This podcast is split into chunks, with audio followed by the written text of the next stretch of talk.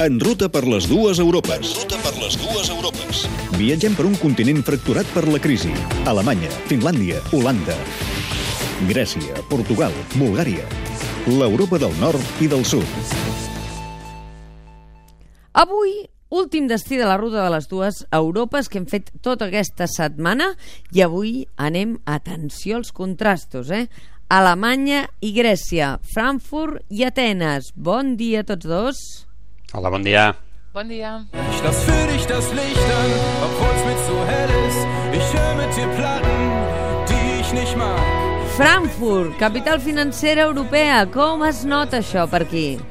Doncs es nota molt en aquest matí plujós. Veiem eh, els edificis altíssims que hi ha al centre de Frankfurt, on tenen la seu més de 40 entitats financeres d'arreu del món.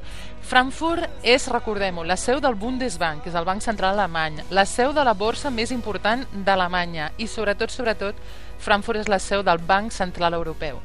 La imatge és molt impactant, un gran símbol de l'euro, com si fos una escultura en homenatge al diner. Mm? El enmig de la tenim ben gespa. present. Sí, sí, és, és que realment és impactant, és molt gran l'escultura. Eh, eh, està enmig de la gespa, la plaça Willy Brandt, Aquí és on hi ha l'edifici del BCE, l'entitat que ha dictat aquesta política monetària de la zona euro, responsable en part de la resposta purament financera que s'ha donat a la crisi. Això és el que estan denunciant des de fa mesos moviments com Occupy o Attack, que ara estan una mica en stand-by, però ens comentaven precisament que estan organitzant noves mobilitzacions a la tardor. Per què? Perquè el BCE estrenarà una nova seu, encara més alta, encara més gran, un enorme edifici que s'està construint davant del riu Main. I no s'ha donat la data exacta d'inauguració precisament per totes les mobilitzacions que s'estan preparant.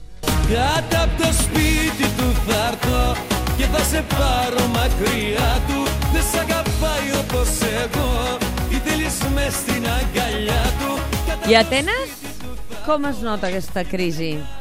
Es nota, es nota moltíssim. Uh, hem, hem passat de la desesperança de Portugal a, a la por, aquí, literalment. Més d'un grec uh, m'ho ha dit. Plana un tercer rescat, tot i que ara es volen deixar passar les eleccions europees, les municipals, que també hi ha aquí, i això equival a dir, ostres, encara més austeritat, encara ens volen ofegar més. Eh, quan arribes a la falda de l'Acròpolis, eh, de l'Acròpoli, a Monastiraki, eh, ja veus que, que ni el turisme està aguantant aquesta situació, eh? tot i que hi ha xifres fantàstiques de visitants, han tancat gairebé 100 hotels només en aquesta zona, mm, que és el, el cor del turisme. Eh, jo ahir vaig fer una mussaca d'urgència just a l'arribar. Una i en mussaca mini- d'urgència. Ara això Sí, ho sí. implantarem. Mussaca, necessito una mussaca d'urgència. Home, eh, eh, va sent un 24 hores eh, a les altes, al- altes hores de, de la nit, eh, diguéssim, eh, en una mini taula Sí. d'aquest 24 hores i, i de cop i volta eh, se'n va seure al costat una dona sense sostre. Sí? Eh, al segon i mig estava dormida sobre un llibre que portava, no? Mm, és una, una dona que deu tenir uns 50 anys, eh, justament l'edat de, de 500 d'unes 500 treballadors de la neteja que s'estan a punt de quedar al carrer. Me les he trobat aquest matí, eh, molt a prop de Sintagma, molt a prop doncs, del Parlament, protestant davant del Ministeri d'Economia. Eh, una nova imatge d'aquesta situació. M'he trobat, per tant, una Grècia en, en depressió i sobretot amb uns ciutadans espantats per l'accés al sistema sanitari. Sí. Eh, hi ha centenars de milers de grecs que, com que ja fa més d'un any que estan a l'atur, han perdut la cobertura sanitària i això és, és un drama, només mig salvat, mig salvat per la solidaritat ciutadana. Una Grècia en depressió que quan mira cap a Europa hi veu un Angela Merkel i la CDU, que és una de les formacions polítiques que pot, malgrat ser el partit governant, revalidar eh, la seva victòria en aquestes eleccions europees. Quines peculiaritats tenen aquestes eleccions a Alemanya? Ah, estic pensant, Mònica, ara que sentia el Sergi parlar de la mussaca d'urgència, que encara no m'he pres jo cap salxitxa de, de Frankfurt. Així Doncs, que... Cèlia, endavant amb la salsitxa. No puc marxar sense la salsitxa. Endavant A amb el Bratsburg. Peculiaritats, a veure, eh, com ens recordava ahir, eh, el Leo és un jove alemany que condueix un taxi-bicicleta aquí al centre de Frankfurt i ell ens deia molt orgullós. A veure, mm, des d'Alemanya operen les dues persones més poderoses d'Europa, Sí. Mario Draghi, president del BCE, i clar, esclar, Angela Merkel. No? Aquesta és la gran peculiaritat d'Alemanya, la concentració de poder, i en aquestes eleccions afegim que, eh, ja sabeu, el candidat socialdemòcrata a presidir la Comissió Europea també és un alemany, Martin Schulz, que ahir precisament el van veure a la televisió alemanya i la Sí. nit en un debat amb, amb Jean-Claude Juncker. No? Uh, el primer cartell electoral que, quan surts de la Hauptbahnhof, de l'estació central de Frankfurt, el primer cartell electoral que et trobes a davant és el de la cara d'Angela Merkel. Mm. Merkel no és candidata, però clar, la CDU només ha de sortir a treure a passejar, no? entre cometes, a la, a la, a la cancellera per ja garantir-se la, la victòria que li auguren totes les enquestes. Com ens comentava també el Pablo Díaz, que és un, un sevillà, un veterà periodista de la ràdio Hessische Rundfunk, Eh, Merkel està ja gairebé per sobre de, del bé i del mal, de disputes partidistes. Aquí se la percep com la garantia que Alemanya mantindrà aquest pes, aquest lideratge, aquesta concentració de poder de què ens parlava el Leo, i per tant eh, és, és la, la, diguem, el pes electoral que té, que té el partit governant. No? I aquí a Alemanya, una altra peculiaritat, l'esquerra ja fa dècades que, que està molt fragmentada, però en aquestes eleccions està sent activa. Aquí estem veient eh, activitat electoral, cartells, eh, moviment, a la, als mitjans se'n parla. No? Per exemple, Die Linke, que mm, és la formació d'esquerres així una mica més consolidada, a part mm. de l'SPD, no?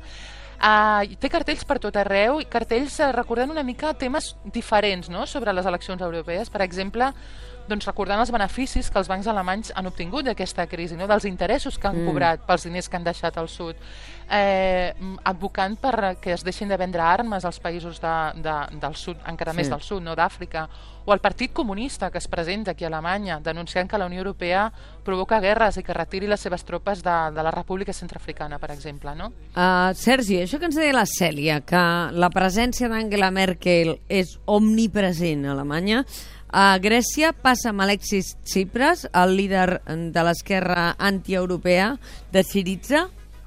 Uh, jo diria que aquí se'n recorda més de, de Merkel que, que de Tsipras, eh? gairebé. Però uh, a nivell de cartells, mm, jo ara per ara encara no n'he vist ni un. Ni no un, has vist ni un cartell? Però una altra, una altra cosa Sí. Una altra cosa és el, el, que, el que diu la gent i el que sent la gent, i, i Cipras sí, eh, és evident. Uh, Syriza uh, és aquesta formació de, de tirant extrema esquerra um, que, que guanyarà a, a les europees. Ahir sortia, hi havia un sondeig on se li donava la victòria per davant del, del partit de Nova Democràcia, sí. el partit del govern de centre-dreta. Clar, el vot estarà molt polaritzat entre, entre aquests dos, mentre que al mig eh, parlava eh, eh, fa una estona amb una editora política d'un dels principals diaris grecs aquí, el, el Tanea, i, i em deia que al mig de, de tots dos doncs hi ha un buit gairebé total, perquè la crisi i els rescats han acabat amb el, amb el PASOK eh, de mm -hmm. Papandreu, que, que anant bé eh, tindrà un 6% dels vots. Havia, havia arribat a tenir un 40% dels vots. Mm -hmm. eh, és a dir, eh, se l'ha serà, doncs, és la imatge de la crisi, és la imatge del, del rescat, del memoràndum famós del 2010. Mm -hmm. Alba Daurada, Sergi, pot fer forat aquesta formació xenòfoba a Grècia, aquestes eleccions? Sí, pot fer forat eh, més o menys el, el percentatge que té, eh? un, un 9%. És la tercera força al Parlament grec, vull dir mm. que no és, no és una cosa menor. Um, el seu líder està a la presó, recordem que sí. des de fa unes, uh, uns mesos, uh, des que, sobretot des que hi va haver la mort d'un cantant d'extrema esquerra, uh, a Grècia doncs, uh, hi ha hagut una persecució bastant contundent. Uh, fixa't que aquest cap de setmana el Tribunal Suprem grec ha de decidir si li permet participar pro a les eleccions. Uh mhm. -huh. eh? Hi ha un procés així més aviat eh, criminal, no tant a nivell d'ideologia, sinó criminal, amb, amb actes com aquest d'aquell assassinat, eh, però aquí mm, ningú dubta que, que se'ls deixarà anar a les eleccions, perquè mm, si no la, la contestació social podria ser, mm, vés a saber quina, eh, clar, estem parlant d'un votant molt heterogeni que va des d'universitaris fins a gent sí. a l'atur eh, aliens eh, a la seva ideologia. Cèlia, a Alemanya l'euroscepticisme, com és lògic pel que ens deies, és a dir, si governen ells a Europa, euroscèptics no en són perquè controlen, controlen bastant el cotarro. Però, per eh... tant, aquesta tendència queda mm, en una posició més minoritària, no?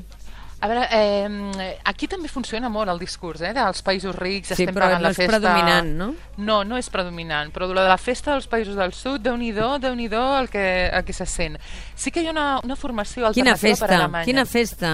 Ah, Cèlia. no, no la dic jo, la Saps? no, no, no és una cosa que digui Quina jo. Eh? festa, que li Però diguin sí, al Sergi. Ells, ells tenen aquesta impressió, eh? Ja. No, és, és, és... De fet, això, aquesta, el que ensenya aquesta ruta és que una mica a Europa és un tema de percepcions i les percepcions són molt difícils de, de canviar, eh? per moltes dades que, que s'esgrimeixin. En tot cas, aquí a Alemanya mm, hi ha una, una opció que es diu Alternativa per Alemanya, que a les eleccions del setembre va estar a punt d'entrar al Bundestag, no, per molt poques dècimes es va quedar fora, ara sembla que sí que entrarà al Parlament Europeu, és la força euroscèptica, diguem aquesta, la que dels rics paguem al sud, és un partit, a més, d'intel·lectuals, se'n diuen, eh? acadèmics d'universitat, membres de la patronal, antics membres mm -hmm. de govern, i, però no hi ha partits importants xenòfobs, eh, només una, una opció neonazi amb poques possibilitats. I això que si hem de parlar d'immigració, la veritat és que Alemanya en té molta. Eh? Al centre de Frankfurt, de veritat, en 10 minuts pots sentir parlar àrab, turc, eritreu, swahili, xinès, tailandès i amb més de 150 nacionalitats a, a Frankfurt. Per tant, potser és un, un minicosmos eh, d'aquesta varietat, de, de la quantitat de gent que Alemanya ha tret per, per treballar no? des de la crisi. I ja molt d'abans, des dels anys 50. Uh, el que sí que hem detectat també és un cert descontent eh, entre els immigrants i especialment entre els immigrants musulmans. Mm. Uh, no sé si és representatiu, però ahir vam estar parlant amb un, amb un noi afganès, un noi de 37 anys, que va venir a Alemanya amb 12 anys, que s'ha criat aquí, que té aquí la seva dona, els fills, i que em deia, me'n torno a casa, me'n torno a Afganistan, perquè no m'agrada com estar a Alemanya. Perquè Mhm. estic fart, em va dir, estic fart de, de, de sentir-me dir Scheisse Ausländer, que Ja. vol dir eh, merda pels estrangers, no? Perdó. Uh, Cèlia i Sergi, ara no farem allò que alimenta els estereotips, que és dir-vos, després d'aquest periple, digueu-me quina una paraula per definir cada país, no ho farem, perquè tot això simplifica molt les coses, però digueu-me, Cèlia i Sergi, on us trobaríeu tots dos junts per comentar aquest viatge que heu fet a través d'Europa aquests dies i menjar-vos, no sé, si un Bratsburg, una mussaca o una amanida uh, de formatge? Jo, jo a Barcelona. Eh, Es home, nota que, jo... te, que tenim ganes de tornar una mica o què? No, doncs a mi, mira, saps que m'agrada molt i perquè no, potser no, la- no ho havia vist i perquè vaig enganxar un dia de solet i sí. estava molt bé. Uh, la badia de, d'Helsinki. Sí, hi havia unes, uns cafès allà davant del mar Bàltic, ara I passava una barqueta, sí, una gavina, unes illetes... no Doncs sé. Sergi, No, jo, jo, fora, jo fora bromes, uh, Lisboa, eh? Unes sardinyes assades a, Lisboa, a, a noi. Lisboa. Que maco que és. Aquests pastissets de Betlem, eh? Ai, sí, els pastissets de Betlem m'agraden molt. Cèlia i Sergi, moltes gràcies. Cap aquí. Cap aquí. Que vagi bé. Adéu. Fins la setmana que ve. Adéu, Adéu, adéu. adéu. Adéu. El matí de Catalunya Ràdio.